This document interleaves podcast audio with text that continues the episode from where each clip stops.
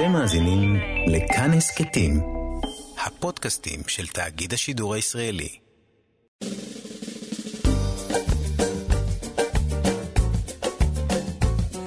שישים החדש, עם איציק יושע. לחיות בגיל השלישי.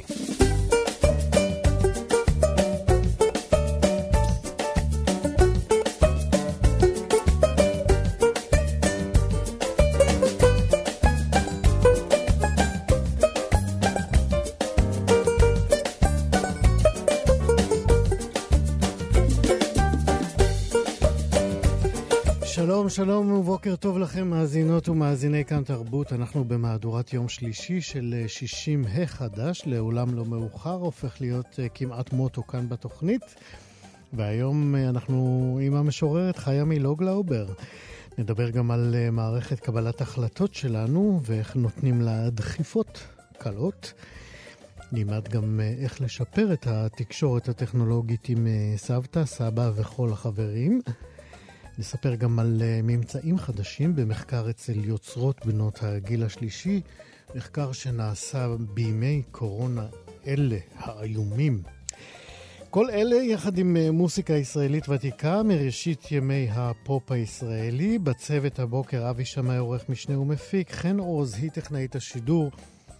אני איציק יושע איתכם עד 12.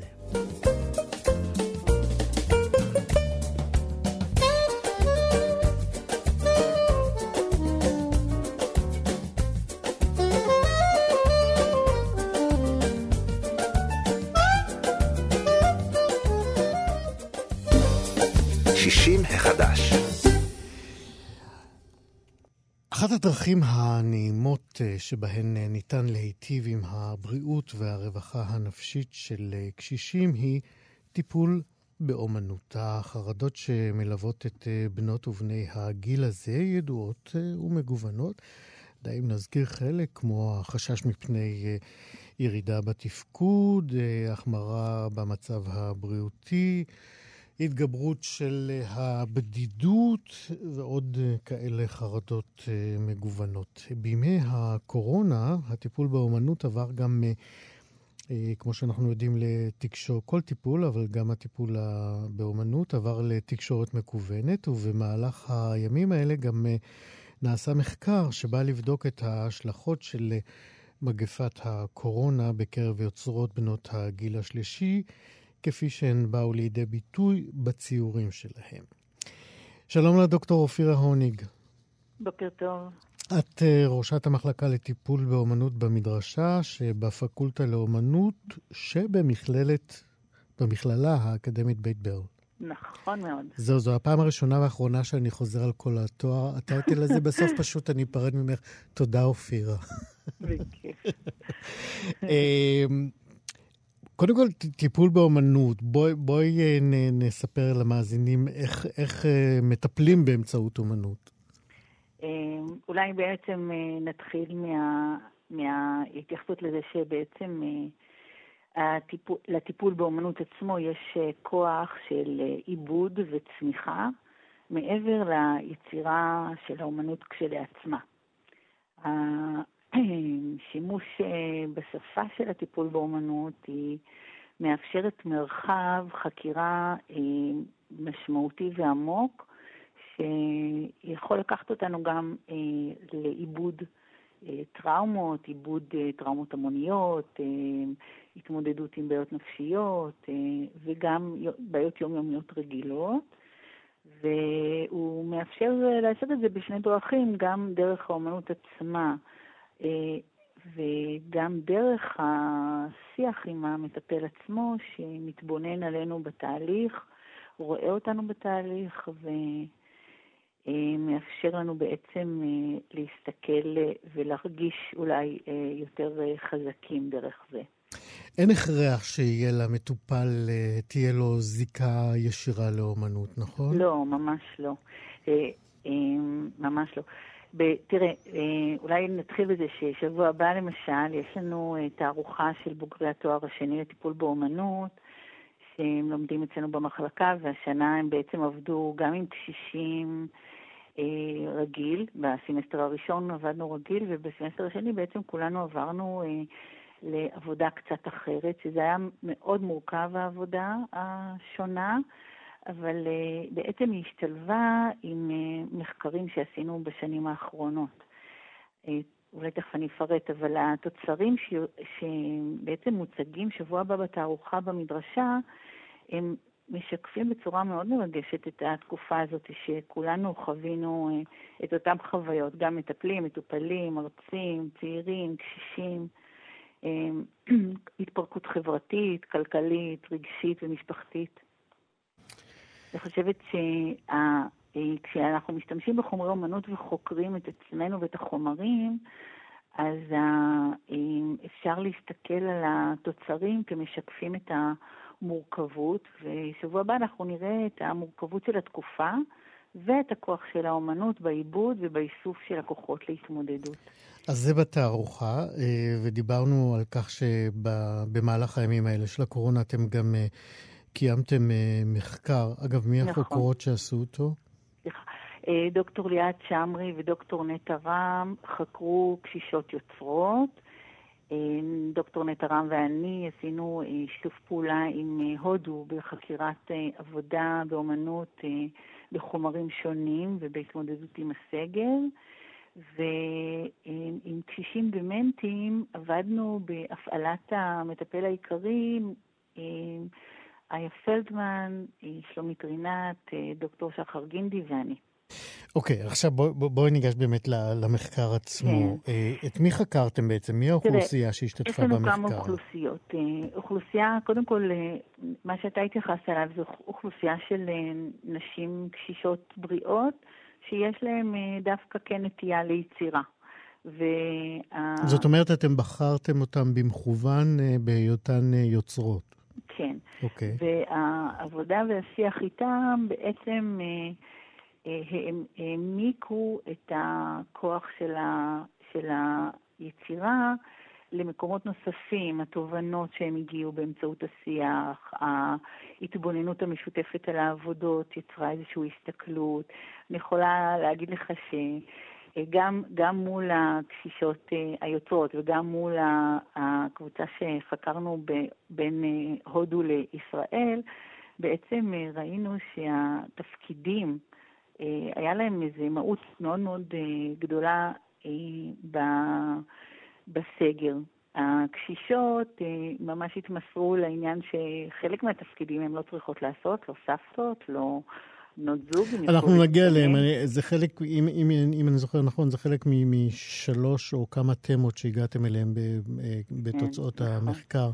אבל לפני זה, רציתי לשאול, הבחירה בנשים שעוסקות באומנות והמעקב אחריהם, או המחקר, זה קצת פריבילגי, לא? לא, זה היה רק חלק אחד. תראה, עבדנו עם תשושי נפש. במוסד אה, שהם נמצאים בו, ושם למשל עבדנו אה, עם התשושים בקבוצה, והיינו צריכים להיות מאוד יצירתיים.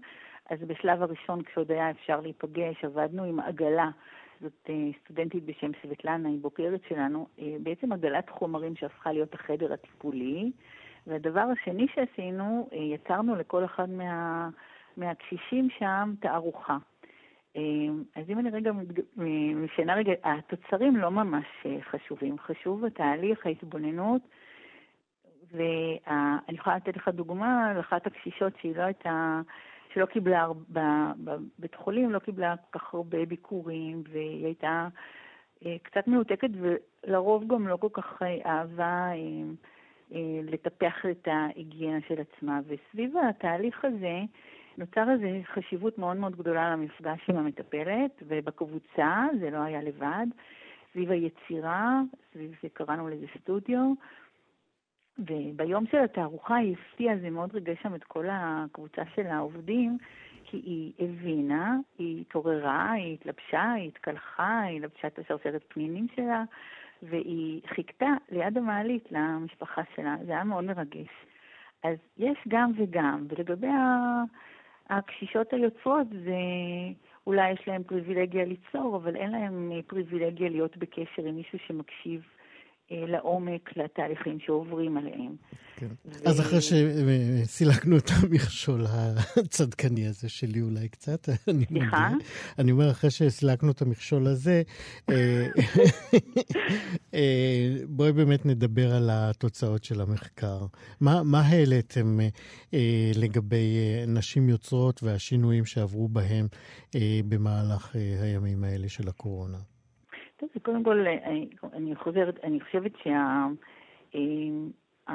שההבנה אה, שבקרב קשישים, הצורך אה, ליצור מחדש, להיות יצירתי, היכולת שלך אה, להתמודד עם הבדידות, עם, ה, עם ההבנה שאתה ככה עוד פעם לקראת סוף החיים, וכל שזה לא מובן, כאילו זה לא משהו שבדרך כלל מדברים עליו, וזה לא שזה קורה מחר מחרתיים, אבל זה משהו שהוא פתאום נהיה לגיטימי לשוחח עליו, והשיח הזה היה מאוד משמעותי עבורם. אה, אולי אני אגיד רגע עוד משהו טיפה יותר כללי, ברשותך. בוודאי. אה, שאנחנו בשנים האחרונות יצא לנו לחקור הרבה אה, קשישים. זה נוצר ככה לאט-לאט. אנחנו הבנו ש... שבעצם יש חשיבות מאוד מאוד גדולה בעבודה עם הקשישים בשני תחומים. אחד, זה קודם כל שהעבודה אה, באומנות, אה, ובכלל, העבודה איתם צריכה להיות במקום היומיומי, הבריא, חלק מהשגרה, ולא במקום שהוא נזקק או בקליניקות. זה דבר אחד שהוא מאוד מאוד קריטי. ודבר השני, שהאומנות עצמה, אה, בנוכחות ובשיתוף של מטפל באומנות, מחיה אה, איזושהי... אה, חוויית חקירה עצמית אה, וחקירת עולם.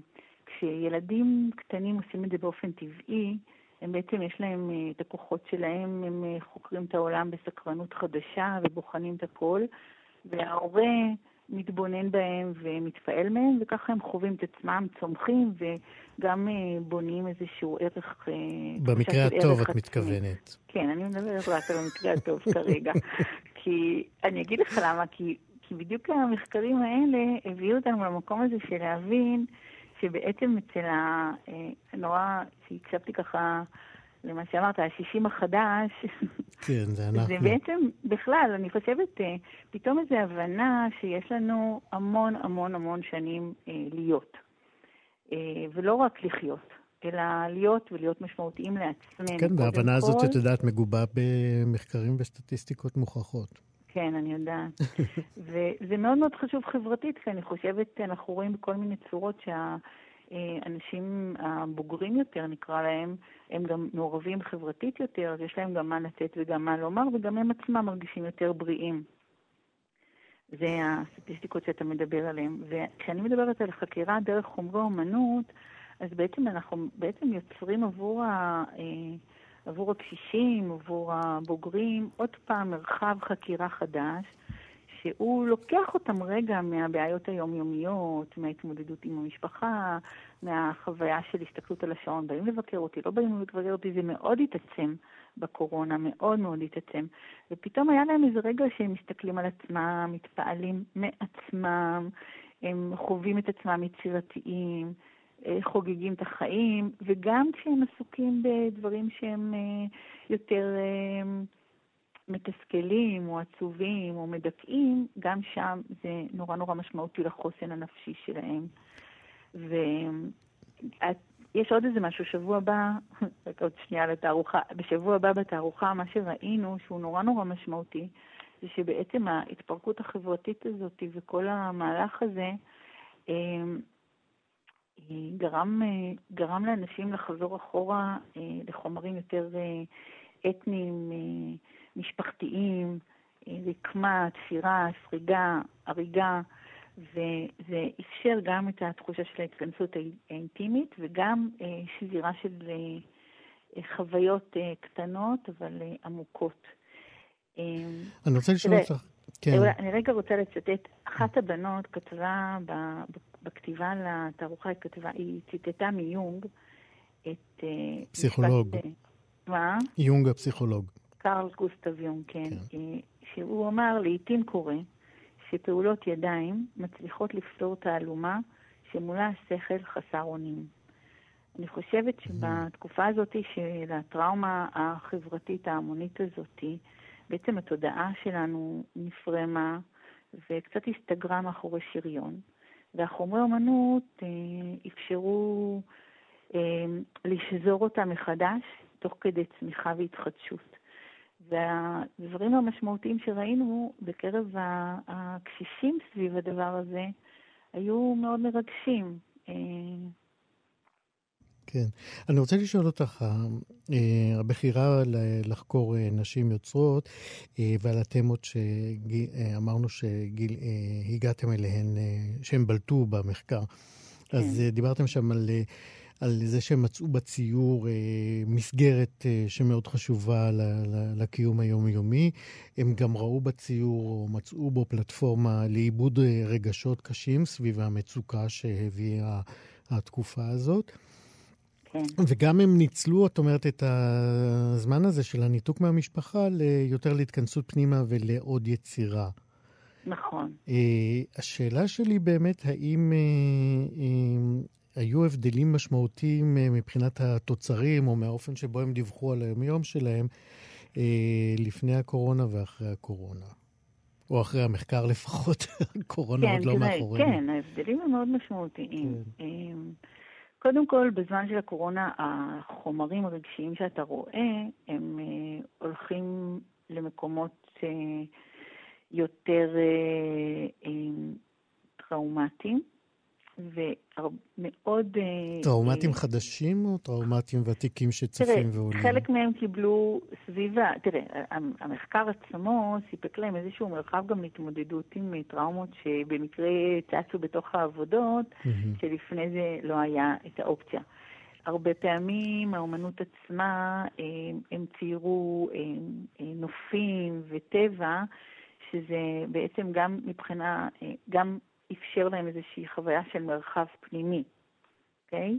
כן. אה, שלפני זה אולי הם עשו יותר, אני לא יודעת, אני לא רוצה להתחייב בדיוק להבדלים, אבל כן יש את השינויים האלה, אוקיי? אה, העיבוד של חרדת מוות ובדידות, mm-hmm. נורא קשה להגיע לזה ביום-יום. זה תהליך שצריך ליצור בו הרבה אמון כדי שמי שמתמודד עם החרדות האלה משתף בהם את המטפל, לוקח כן. זמן. אלא אם כן יש לך כוחות משל עצמך, ואתה יכול כן. אפילו לפתח הומור כלפי זה. היינו יכולים להמשיך אה, ולשחח דוקטור אופירה הוניג, אבל אה, זמננו תם. אני מאוד מודה לך על השיחה המאלפת הזאת, על אה, תודה. טיפול באומנות במהלך קורונה, על המחקרים ועל התערוכה. אגב, איפה ומתי אפשר יהיה לראות את התערוכה? התערוכה נפתחת ביום שני בשעה 4 בפקולטה לאומנויות המדרשה בבית ברל, ונסגרת ביום אה, חמישי בבוקר. וטוב, הביקורים הם אה, במסגרת ההנחיות. סליחה? הביקורים הם במסגרת ההנחיות. כן, כן, הכל במסגרת ההנחיות, לפי uh, כמויות, זה הכל בשטח פתוח, הגלריות מפוזרות בנוף הכפרי של המדרשה. יפה, דוקטור אופירה הוניג מהמכללה האקדמית בית ברל, תודה רבה. תודה רבה להתראות. לך. יום טוב, ביי.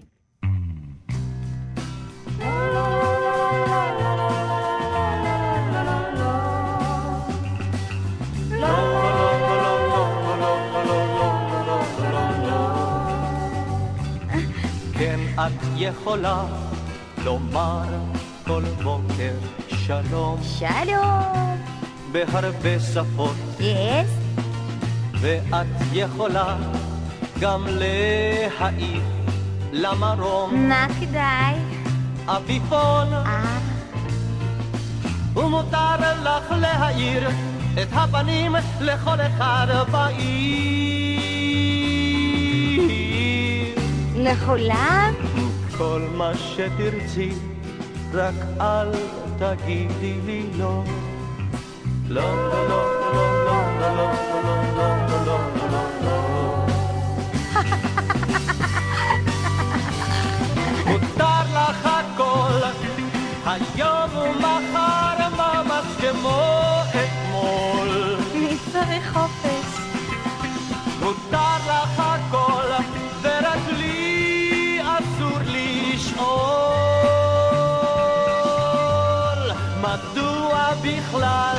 אבל אתה יכול לשאול, אתה גדול?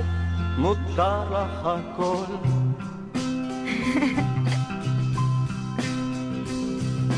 כן, את יכולה לקפוץ כל בוקר לים, אני קופצת. אם היום יפה, ובבית התה לשתות המון שוקו חם, אני אוהבת קפה אבל. או קפה, אה, ומותר לך להאיר את הפנים לכל אחד בעיר. כל מה שתרצי, רק אל תגידי לי לא.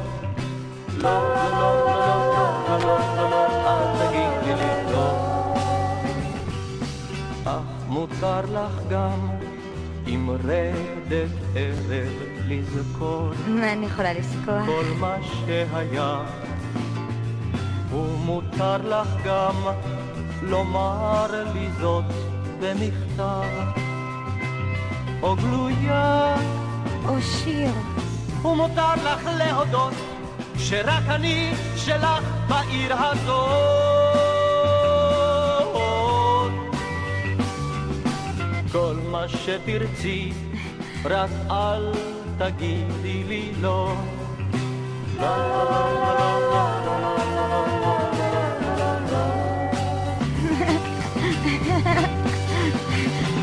מותר לך הכל,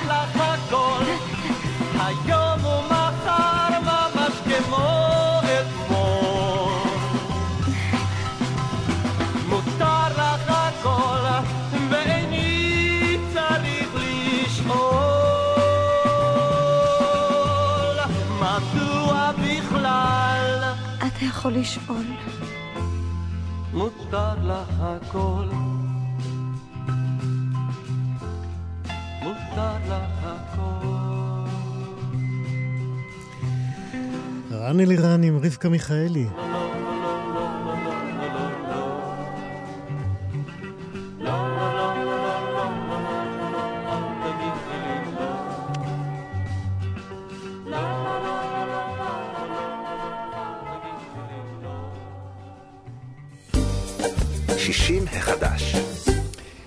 לפני כשנה חיה מילו גלאובר אה, נתקלה בספר של, המשור... של משוררת יפנית שהוציאה ספר שירים ראשון בגיל 90.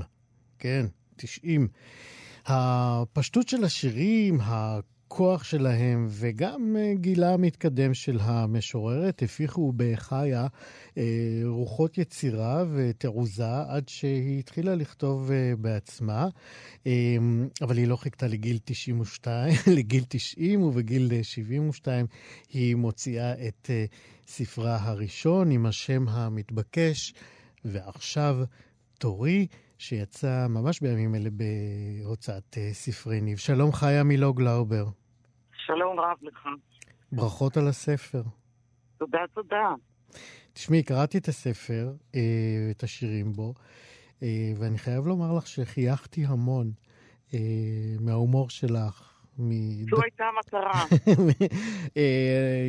יש שם המון דקויות הבחנה, ציניות שובה והמון מבט משועשע על החיים, ואני חייב לומר גם על המוות.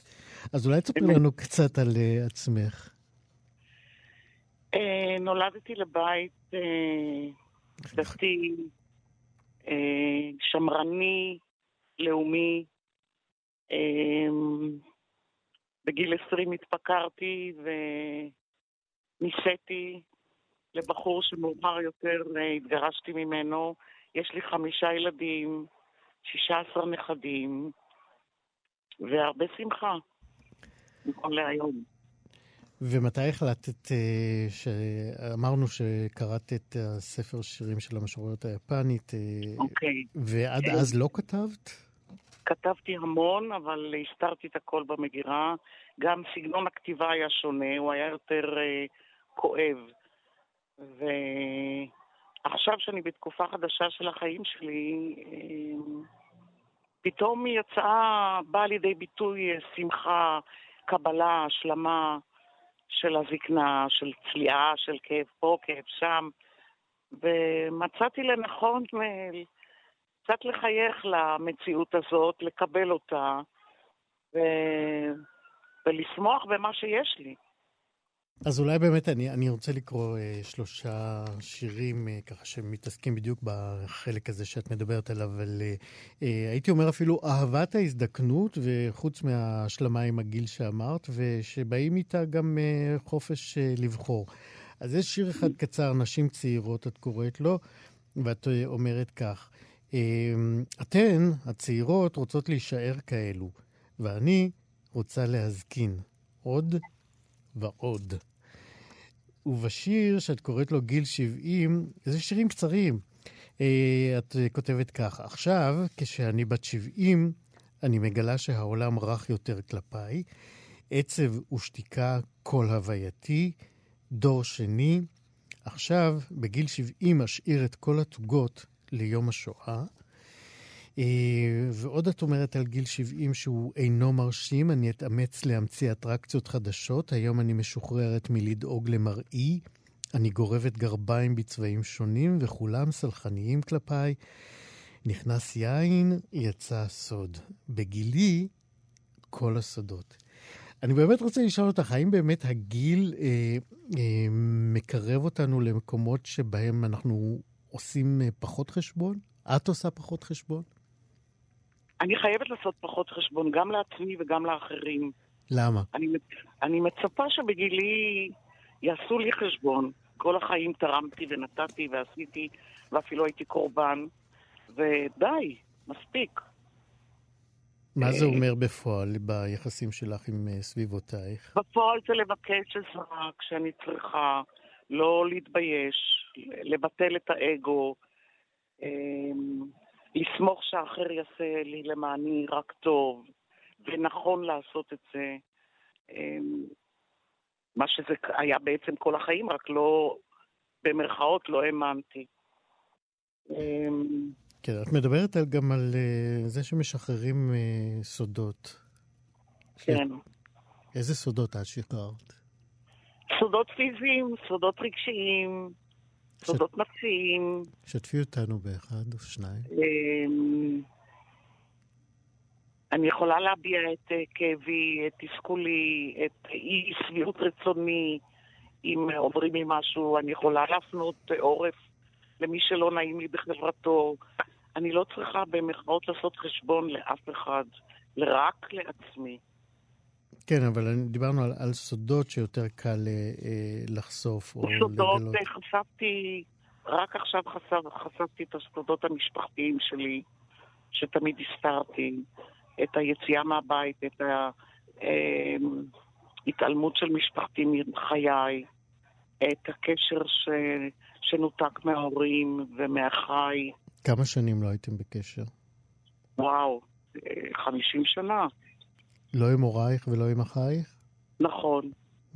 עם אחיי נוצר קשר לפני מעט שנים, כשהם בעצמם הזדקנו והחליטו שזה הזמן... אה, הם יזמו את הקשר איתך? סליחה? הם יזמו את הקשר איתך? כן. כן, הם. זה הפתיע אותך? זה ריגש אותי מאוד מאוד מאוד. אמ, בכי... בכי היסטרי למשך ימים, התרגשות עצומה. אמ, מה עוד היה שם? תמיכה של המשפחה המקורבת שלי כמובן. כמה אחים יש לך? יש לי שני אחים יותר גדולים ממני. אחד הלך לעולמו לפני פחות משנה. זאת אומרת, הספקתם עוד להתאחד לפני מותו. היינו ביחד, כן, אבל uh, השבר אחרי מותו בעצם רק פרץ אחרי שהוא הלך לעולמו. שבר של הניתוק. הייתי חצי שנה בבית, uh, באבל גדול מאוד. את יכולה לתאר לנו את הפגישה עם האח הראשון, או שנפגשתי עם שניהם בבת אחת? לא עם שניהם, אחד אחד, הראשון נערך בביתי. כשעמדתי שומר מן הצד שהיה צריך להתריע על בואם, אה, הייתה התרגשות מאוד גדולה. הוא הגיע לבד? הוא הגיע עם רעייתו. שגם אותה מן הסתם לא הכרת. אני כן הכרתי, כי האחים שלי היו נשואים כשעזבתי את הבית. אה, אוקיי. אמ, אין הרבה מה לספר, זו פגישה שהיא מבוכה, שהיא אה, חסימת כל הרגשות אה, השליליים שהיו.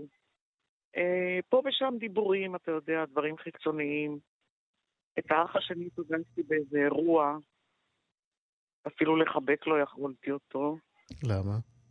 אה, אירוע דתי, אתה יודע, הייתה מבוכה גדולה. אה, אחר כך עשיתי פה כינוס משפחתי כדי שהילדים יכירו אותם. אבל לצערי זה לא זה. זה אהבה שנקברה עמוק עמוק ולא יכולה לצאת החוצה. כן. זאת, אמרת שזאת הפעם הראשונה בזמן האחרון שבעצם אה, סיפרת אה, לילדייך, לנכדייך, את אה, נסיבות עזיבתך את בית הורייך לפני שנים ארוכות? האמת היא שהילדים הפרטיים שלי ידעו, אבל שאר החברה מבחוץ לא ידעה. זאת אומרת, התחלת לשתף פתאום חברים.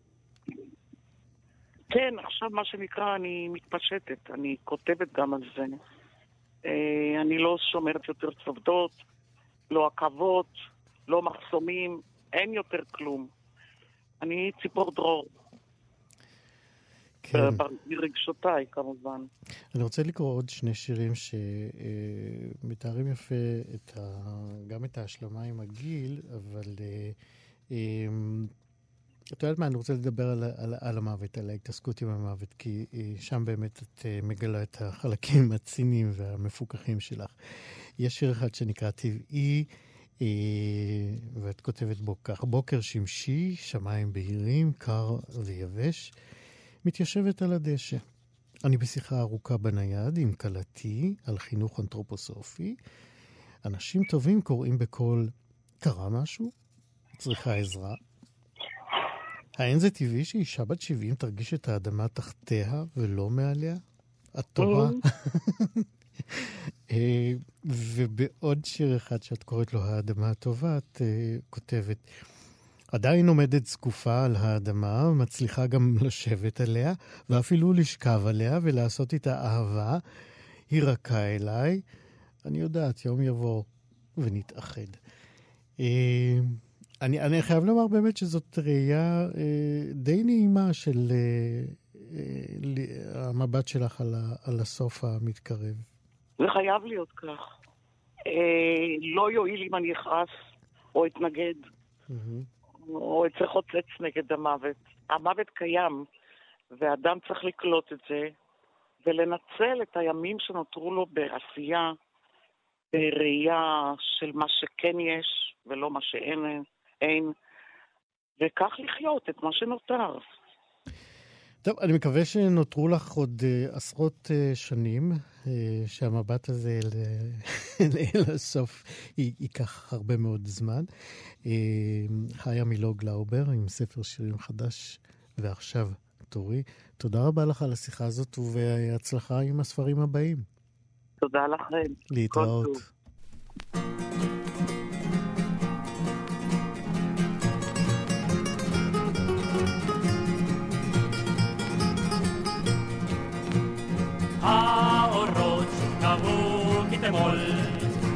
השבילים מהדהד. כל פרסות סוסי שעבר בחול, כל פרסות סוסי העובר. כל פרסות סוסי שעבר בחול, כל פרסות סוסי העובר. הו, שובה אליי, שובה אליי מן המדבר. הו, שובה אליי יחד נצא אבן נדהר.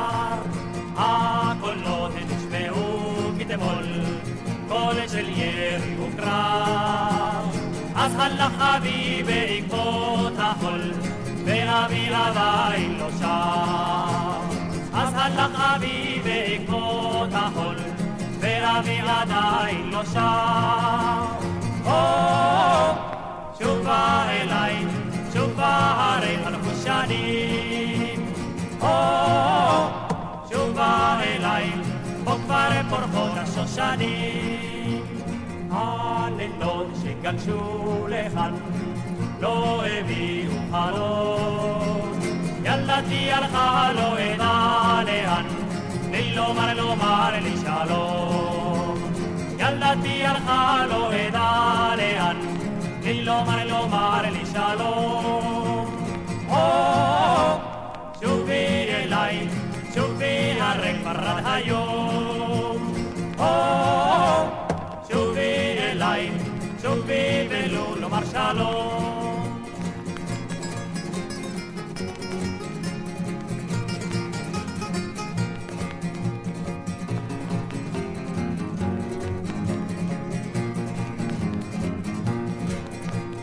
הרוחות שנשבו כתמול, לחשו שוב ושוב.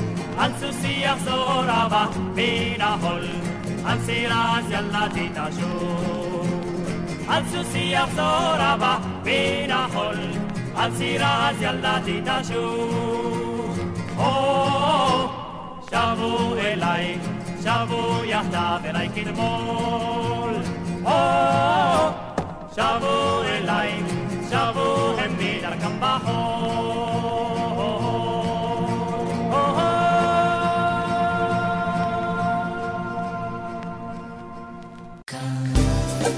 60 החדש. עכשיו אנחנו נמשיך ונעסוק אה, בדרכים לשיפור התקשורת הטכנולוגית עם אה, סבתא וסבא ועם כל אה, אוכלוסיית הקשישים המאותגרים טכנולוגית ואלה שרוצים להשתפר. הפרופסור לאה פוסטיק היא ראש המחלקה להפרעות תקשורת באוניברסיטת אריאל, היא פסיכולוגית מחקרית, חוקרת בתחום עיבוד שמיעה, פסיכואקוסטיקה ותפיסת דיבור באוכלוסיות השונות, וכל התואר הארוך הזה אה, מאפשר לה לדבר איתנו עכשיו. שלום לך, אה, פרופסור. שלום, שלום. מה שלומך? תודה, תודה. בואי נדבר בתחילה על, אה, על האופן שבו המסכה שפרצה לחיינו ונהייתה אורחת קבע על הפנים שלנו, איך היא שיבשה את התקשורת בין כולנו? טוב, אז המסכה, כשמה כן היא, ממסכת. אנחנו רוצים שהיא תמסך, שהיא תגן עלינו, אבל יחד עם הדבר הטוב הזה שהיא עושה, שהיא מגנה עלינו ועל הסביבה שלנו אה, מפני אה, אה, הווירוסים השונים, היא גם עוצרת את הדיבור שיוצא לנו מהפה, היא, כן, היא, היא מגנה על, על, על מי שבסביבה שלנו שלא נירק עליו ונפיץ טיפות מלאות בווירוסים, אבל גם את גלי הקול היא חוסמת. היא לא חוסמת לגמרי, אנחנו יכולים לתקשר עם מסכות, אבל זה יותר קשה. זה יותר קשה. למה זה יותר שה... קשה בעצם? זהו, משום שעוצמת מ... הקול שלנו משתנית אה, בגלל המסכה? היא לא כל כך משתנה, היא משתנה קצת, זה לא החלק המשמעותי. החלק היותר משמעותי שאנחנו מרגישים פיזית זה שהאוויר נעצר, גם כשאנחנו מדברים וגם כשאנחנו רוצים לקחת אוויר אה, כשאנחנו מדברים, זה גורם לנו למאמץ, וזה גם מה שלצערי גורם להרבה אנשים כשהם מדברים להוריד את המסכה, אני מקווה שהתובנה הזאת, שפשוט קשה יותר כי אנחנו מדברים ואז צורכים יותר אוויר, אה, אה, תגרום לאנשים להבין את זה ולא להוריד את המסכה כשהם מדברים, אלא פשוט לדבר יותר לאט, אה, וככה לקחת נשימות יותר עמוקות במקום להוריד את המסכה, זה, זה יכול לעזור. וסיבה נוספת, בגלל שהאוויר ככה נעצר וגלי הקול נעצרים במסכה, אז הדיבור פחות ברור. אה, לשומע, אנחנו גם שומעים בעצמנו, אותנו, מדברים פחות ברור, אז אנחנו נוטים להפעיל יותר מאמץ. יותר מאמץ, זה לא נעים, אז אנחנו מורידים את המסכה. אפשר במקום זאת אה, פשוט לדבר יותר לאט, לעשות יותר מרווחים בין המילים, ואז גם עם המסכה אנחנו נהיה יותר ברורים ולא נצטרך להוריד אותה. זאת אומרת, לא להוריד את המסכה כשמדברים, לדבר יותר לאט, ככה נהיה יותר ברורים, נפעיל פחות מאמץ ולקחת נשימות יותר עמוקות. אז הנה, עכשיו אני מדבר איתך בלי מסכה, ומהשנייה הזאת אני עוטה את המסכה, ואני רוצה שתגידי לי אה, האם אה, משהו ב, באיכות הדיבור שלי, ב, באיכות הדברים שלי אה, משתנית. והנה, אני כבר עם המסכה. ואני מדבר איתך מתוך, uh, מעבר למסך העדים קצת uh, uh, מכסים את המשקפיים שלי, אבל אני שומע אותך. ממש אה, ניסוי בשידור חי, ואני מאוד שמחה שאתה עושה את זה, מהמם. כי מי שמאזין לנו יכול להרגיש שבעצם השינוי בעוצמת הקול שלך היה מאוד קטן. הוא גבר? שמ... הוא היה קטן. אה, הוא אה, קטן. ירד, הוא קטן, הוא וואו. קטן, ואתה, שבאופן טבעי, כאדם שעובד ברדיו ויודע לדבר ברור, אז אנחנו ממשיכים גם להבין אותך בצורה ברורה, אז למאזין אין הרבה בעיה עם זה שאתה שמת מסכה. אבל לך אתה תכף תרגיש מאמץ, כי אתה צריך להפעיל אה, אה, באמת יותר מאמץ מבחינת אוויר ולקחת אוויר אה, כשאתה תדבר, זה יעייף אותך קצת. והנה, אני כבר הסרתי אותה. אוקיי. אה, אני באמת, אה, בואי אם כך אה, ננסה לעזור למאזינים שלנו איך להישאר עם המסכה, לעטות אותה ועדיין להישאר ברורים. אז אמרנו, לקחת נשימות עמוקות יותר, יש גם מקום לשנות את קצב הדיבור, את עוצמת הדיבור. אה, עוצמת הדיבור לא צריך כל כך, ואני הייתי מוותרת על זה, כי זה יעייף את הדובר. ה- גם ממש כמו ששמענו עכשיו, השינוי בעוצמת הקול שלך היה, אבל היה קטן. אה, מה שיותר חשוב זה שיש איזשהו ערבול של גלי הקול ופחות מובן. מהמם. אם מדברים יותר לאט, עם יותר מרווחים בין המילים, המאזין יכול להבין מצוין, ואנחנו לא דורשים בעצם מהדובר להשקיע יותר אנרגיה בדיבור. יפה. אז לדבר יותר לאט. אז אה, טוב, אני מדבר לאט, אני מקווה מספיק, כדי שגם יבינו אותי בלי מסכה.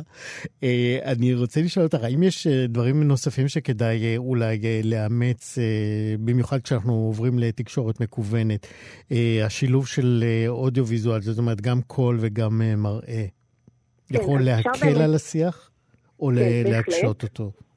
בהחלט. בכלל, כשאנחנו מדברים על תקשורת מרחוק, והיום אנחנו משתמשים בה יותר ויותר בגלל הריחוק החברתי, אפשר באמת לאמץ כמה המלצות, ואחת מהן זה כל נושא הוידאו. הוידאו, מידע נוסף. אמנם אנחנו רוצים לדבר, זאת אומרת לשמוע, אבל כל המידע הראייתי, הבעות הפנים, תנועות הידיים, תנועות הגוף בכלל, הם מקור מידע חשוב שעוזר לנו להבין מה הדובר אמר, בעצם נותן לנו עוד מידע על הכוונה של הדובר, ועוזר לנו להשלים בראש את מה שנאמר, גם אם לא שמענו הכל. אנחנו צריכים בעצם ככה להשקיע פחות מאמץ זאת אומרת, בהקשבה, כי יש כאשר- לנו עוד מידע. כן, כאשר אנחנו מדברים עם סבא וסבתא, אז uh, כדאי שזה יהיה גם בווידאו, כדי שהם יראו את uh, המחוות שאנחנו uh, עושים נכון. בפנים, uh, בידיים. נכון מאוד. אני כן רוצה לסייג טיפה את ההמלצה הזאת. אוקיי, כי אה, יש הכי הפרעות לפעמים. נכון, כי בסופו של אוקיי. דבר אנחנו צריכים שהמסר יעבור.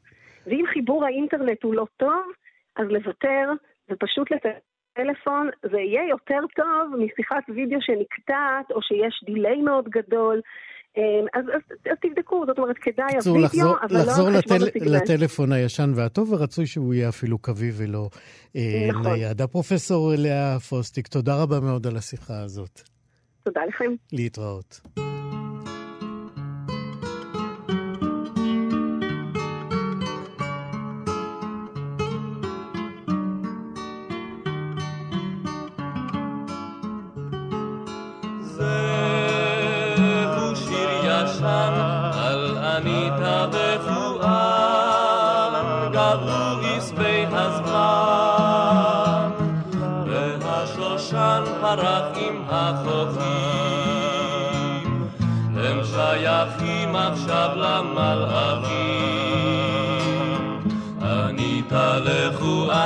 Santa.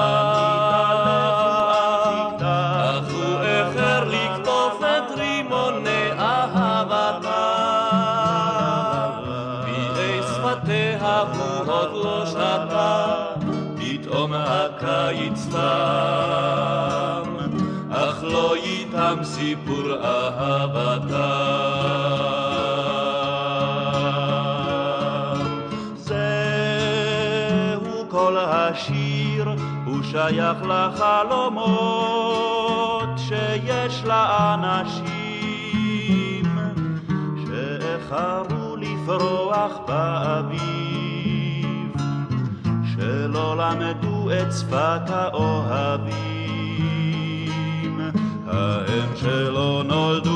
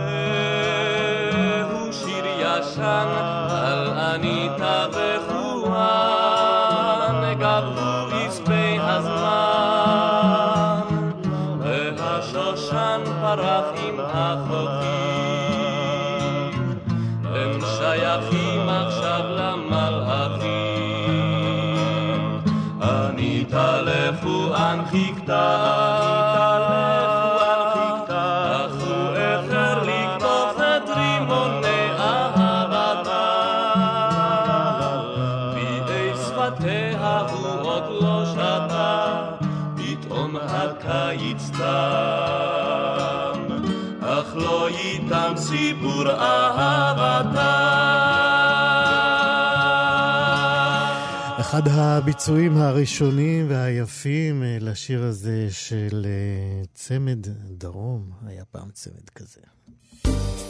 60 החדש. דחיפה קלה או נאג' במקור הוא מושג, מונח שטבעו ריצ'רד טיילר, אה, זוכה פרס נובל בכלכלה בשנת 2017, וסם אה, סנשטיין. אה, המונח הזה הוא מונח יסוד אה, בספר שכתבו ונקרא גם אה, דחיפות קלות, אה, שיצא ממש עכשיו בישראל בהוצאת אה, מטר, אה, בעברית כמובן. אה, במה מדובר? כולנו הרי אה, עושים אה, שלל החלטות אה, פעוטות והרות גורל כמעט כל יום, אולי לא כל יום הרות גורל, אבל טעות קטנה, למשל בחציית כביש, עלולה להיות הרת גורל. חשבתם על זה? בימים של אה, משבר ומגפה, הצורך להתבונן אה, בדרך קבלת ההחלטות שלנו אה, גובר, במיוחד מול העובדה שניחתות עלינו גזרות שלא ידענו כמותן עד עכשיו, ובוודאי לבני הגיל השלישי יש אקסטרה, הם, יש להם עוד, אם לכולם טוב, אז להם צריך להיות טוב יותר. אה, כדי להבין את עיקרי הספר הזה, ומה ניתן לעשות עם אה, מערכת קבלת ההחלטות שלנו בימים האלה, אנחנו אומרים שלום לאלכס שילמן. היי, שלום, נאמר רק שאתה פסיכולוג מומחה בכלכלה התנהגותית. נכון. אז מה אנחנו צריכים אה, לשנות במערכת קבלת ההחלטות שלנו לפי הספר הזה? האמת שהייתי נזהר משינויים דרמטיים, כי אם יש איזה מסר עיקרי בספר, זה שכדי להשיג שינוי משמעותי בחיים, אנחנו לא חייבים להשתנות בעצמנו. מספיק שנשנה את הסביבה שלנו. הסביבה שלנו זה איך נראה החדר מגורים שלנו, איך נראית ה... איך נראה מקרר, איזה אוכל נמצא בגובה מטר שישים וחמש, זה שהכי קל להגיע אליו. שינוי סביבה כאלה משפיעים באופן מאוד מאוד דרמטי על החיים שלנו, כי כמו שאמרת יפה בפתיח, אה, את רוב הדברים שאנחנו עושים, אנחנו עושים אוטומטית. אנחנו לא באמת מקדישים מחשבה למרבית הדברים שאנחנו עושים ביום-יום.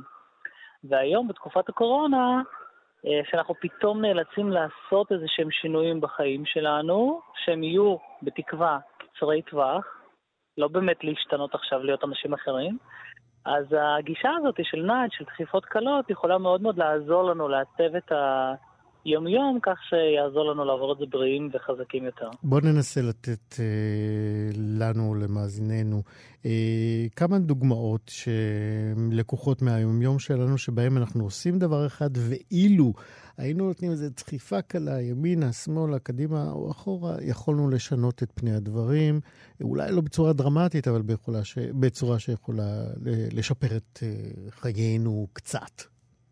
אוקיי, אז אני אתן דווקא דוגמה שככה שנייה נברח ספציפית קצת מה, מהקורונה. אני אתן לכם דוגמה דווקא מחברת גוגל, אה, הגדולה והענקית, ואז ננסה ללמוד לקח ליומיום שלנו. גוגל במשך שנים ניסתה לעזור לעובדים שלה לאכול בריא יותר. אה, בארצות הברית זה גם אישו משמעותי עבור חברות, כי בעצם הביטוח הרפואי של העובדים, החברה משלמת אותו. וכשהעובדים פחות בריאים, זה עולה לה יותר כסף. אז יש פה גם, גם מניע כספי. והם ניסו המון דברים נורא חכמים. הם ניסו לשכנע אותם ולעשות סדנאות, ולהעביר דרך חיים נכונה, וכל מיני דברים. וזה מאוד קשה, כי מאוד מאוד קשה לנו להשתנות. אנחנו מכוונים לפחמימות ולשומנים. אל תגיד את זה, אנחנו פה מקדמים את העובדה שגם בגיל אה, מאוחר אה, אפשר להשתנות, והנפש שלנו היא גמישה, צריך רק לדעת לעשות את זה. במיוחד, במיוחד בגיל המאוחר. אני לא צוחק אגב. גם אני לא. אנחנו מתגבשים, האישיות שלנו מתגבשת, ואחרי גיל 50 ומעלה אנחנו הרבה פחות אה, אה, כמו עלה נידף ברוח כזה, אחרי כל מיני אימפולסים, אנחנו הרבה הרבה יותר אה, מלאים ומיינדפולים ויכולים. אבל אני רגע חוזר לגוגל. לא, אז תחזור בך מזה שאי אפשר לעשות שינויים. אפשר, אפשר, אפשר, בוודאי. Okay. Okay. אני רק רוצה לחסוך לנו את העבודה הקשה ולספר איך אפשר לעשות את זה בלי באמת אה, זיעת אפיים. ומה שעשו בגוגל בסופו של דבר, מה שעבד הכי טוב, במקום שכנועים וכל מיני דברים מורכבים כאלה, זה להחליף את המקום של התפוחים והעוגות בקפיטריה. זה הכל. לקחו את העוגות, העבירו אותם פנימה בתוך הקפיטריה, רחוק יותר, וקרוב יותר לכניסה שמו את התפוחים והירקות וכל הדברים הבריאים. כמות הקלוריות שעובדי גוגל חסכו בזכות השינוי המצחיק הזה, לא נכנסת לי במצגת בהרצאות. יש יותר מדי אפסים. וואו. אוקיי? זה פשוט מטורף, ההשפעה של הברירת המחדל הקטנה הבאמת המצחיקה, המגוחכת כמעט הזאת. בוא, נ, בוא נלך ל, לעולם הקטן שלנו בבית הפרטי של כל אחד מאיתנו. איפה דחיפה קלה יכולה... אה, בוא ניקח באמת אנשים קשישים שנמצאים עכשיו, אה, אני מקווה לא שוב אה, ב, ב, בסגר כמעט, או בהסגר כמעט מוחלט. וש... והיום יום שלהם משתבש. איך הם יכולים שם לתת דחיפה קלה ולשפר אותו? אז אני, יש המון דברים חשובים שאפשר לדבר עליהם. אותי מדאיגה במיוחד, מדאיג במיוחד הקשר החברתי, משהו שמאוד קשה לתחזק עכשיו בימי קורונה, כי מצד אחד אנחנו רוצים להיות בריאים ולהיזהר במגעים שלנו ולהפחית כמה שיותר עד יעבור הזעם. מצד שני, אחד המנבאים הכי חזקים של בריאות, גם פיזית, גם נפשית, ואורח חיים ואריכות ימים, זה בעצם קשרים חברתיים. אז הייתי קובע הרגל שהוא אוטומטי, שמאפשר לנו לשמר קשרים חשובים לאורך התקופה הזאת. נגיד, וזאת ספקולציה שלא בהכרח תתאים לכולם, אבל אתם כבר תתאימו את זה ליומיום שלכם. יו, כל יום שיחה קבועה בשעה קבועה לנכדים, או לילדים, או לחבר חברה אחת. יש חשיבות לשעה הקבועה? אז מבחינה חברתית, לא באמת, אבל מבחינת בניית הרגלים, כן. כי זה הופך להיות הרגל קבוע, שיותר קל לזכור אותו, וגם יותר קל לסמן עליו וי. כי, כי זה הרגל שהוא מוגדר בזמן ובמקום גם כן. והרבה יותר קל לנו, יש מחקרים על זה שאפילו בדברים גדולים כמו להצביע בבחירות, האחוזי הצבעה קופצים אם יש לאנשים תוכנית ספציפית, פשוט באיזה שעה הם יעשו את זה ומתי. אז המטרה הגדולה הזאת של לשמר קשר חברתי, שזה מאוד מאוד חשוב, בוודאי ככל שאנחנו מתבגרים יותר ויותר, לארוז אותה בהנאה לפעולה פשוטה וקבועה בזמן וביום. יפה. וזה הופך לתרגל. אלכס שילמן, פסיכולוג מומחה בכלכלה התנהגותית, עזרת לנו לדחוף קצת את החיים שלנו ימינה ושמאלה, אני מקווה שגם קדימה. תודה רבה על השיחה הזאת, להתראות. בשמחה, הרבה בריאות. יום טוב.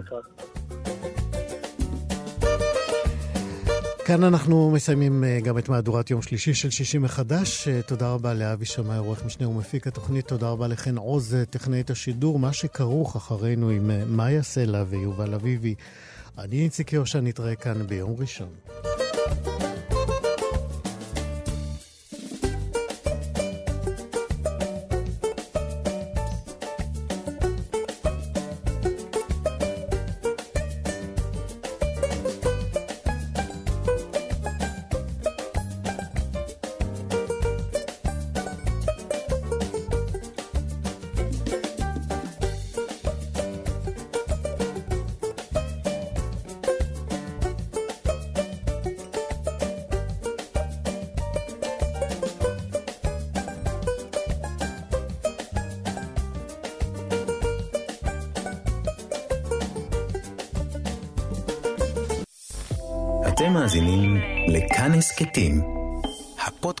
של תאגיד השידור הישראלי.